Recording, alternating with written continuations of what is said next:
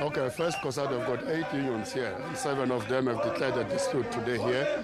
Today is the first day of the conciliation on the dispute that we have launched uh, some times ago. It is going to continue up at today and tomorrow. But uh, because of the attitude and the hard stand that have been taken by the government already in the public discourse, workers have mobilized themselves here to come and support their negotiators and their leaders that are going to be here. It is also expected that uh, the government representatives are going to be here to come and plead their case in the conciliation. So we have mobilized pickets uh, across the country here, but also in the National Treasury and also in the DPSA, but also in other centers in all uh, other provinces. Just to show that uh, uh, we are serious about finding a resolution uh, on this dispute during this conciliation, failing which uh, obviously when the matter is not resolved, as you can see, workers are going to embark on the rolling mass action going forward. What would be satisfactory to the workers? We know very well that uh, COSATU unions last week are saying that they're going back to that 10% uh, that they initially called for, accusing government of in, in any way uh, neglecting the bargaining process and negotiating with the workers in bad faith. What would be uh, satisfactory to the workers today? COSATU unions are going back to the 10% simply because the state as an employer have opted for the clause or the section in the constitution of the PCBC that says the, the offer must fall off once 21 days passes without any signatures. So it means they went back in our understanding from the 0% that they started with when they started negotiation in May. That's why the workers will have started at 10%, moved to 6.5, so they're back at 10% on that basis. What will be satisfactory for us is for the government to come here, reinstate the offer, and reopen negotiations and we'll move forward from the 3% because the 3% as it were has been rejected overwhelmingly by the majority of the unions in the PSBC.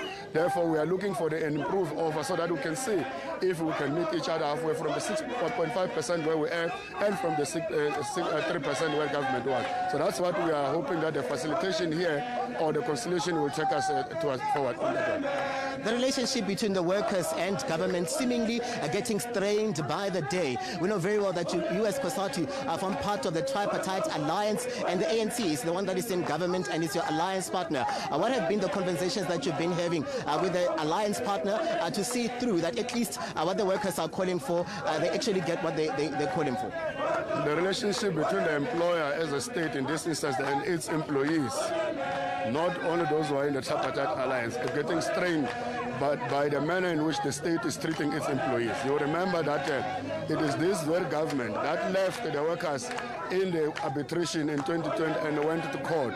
They took a resolution that they signed three years, for three years, they took it to court. And as it stands now, all workers in the public service have had their pension stagnant, they've had their, their salary increase stagnant for the past three years. It is now again that we were here waiting for this day today to come for the conciliation to take place. Government left us here.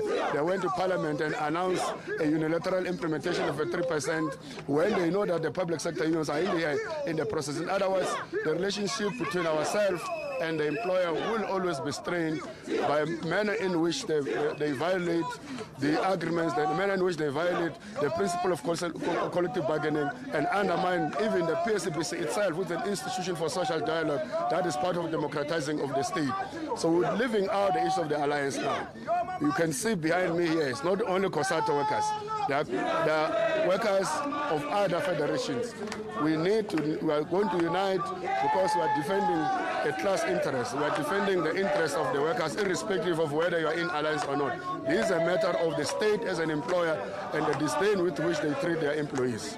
And just finally, could we see you uh, embarking on the downing of tools nationally if uh, you don't find joy here? Uh, could we see the workers in the public sector embarking on a strike action? Look, we are following all the processes that are prescribed in the in the in the Labour Relation Act, including in the dispute resolution process that are here today. It's a step that we hope it will prevent us going with a strike. In other words, we hope that the state will come here with an open mind, will really do the meaningful and with good faith negotiations. And then, of course, if that does not happen, uh, there's only one way that's going to happen. We're going to have a certificate of non-resolutions, and after that, we're going to take from from that and see where going forward. We do not rule out the issue of an industrial action because that's the only recourse that will be left. After negotiations, after conciliation, and everything else. That's the only recourse that we have. Because the state has other avenues, as you have seen. They went to parliament. Workers are not represented in parliament.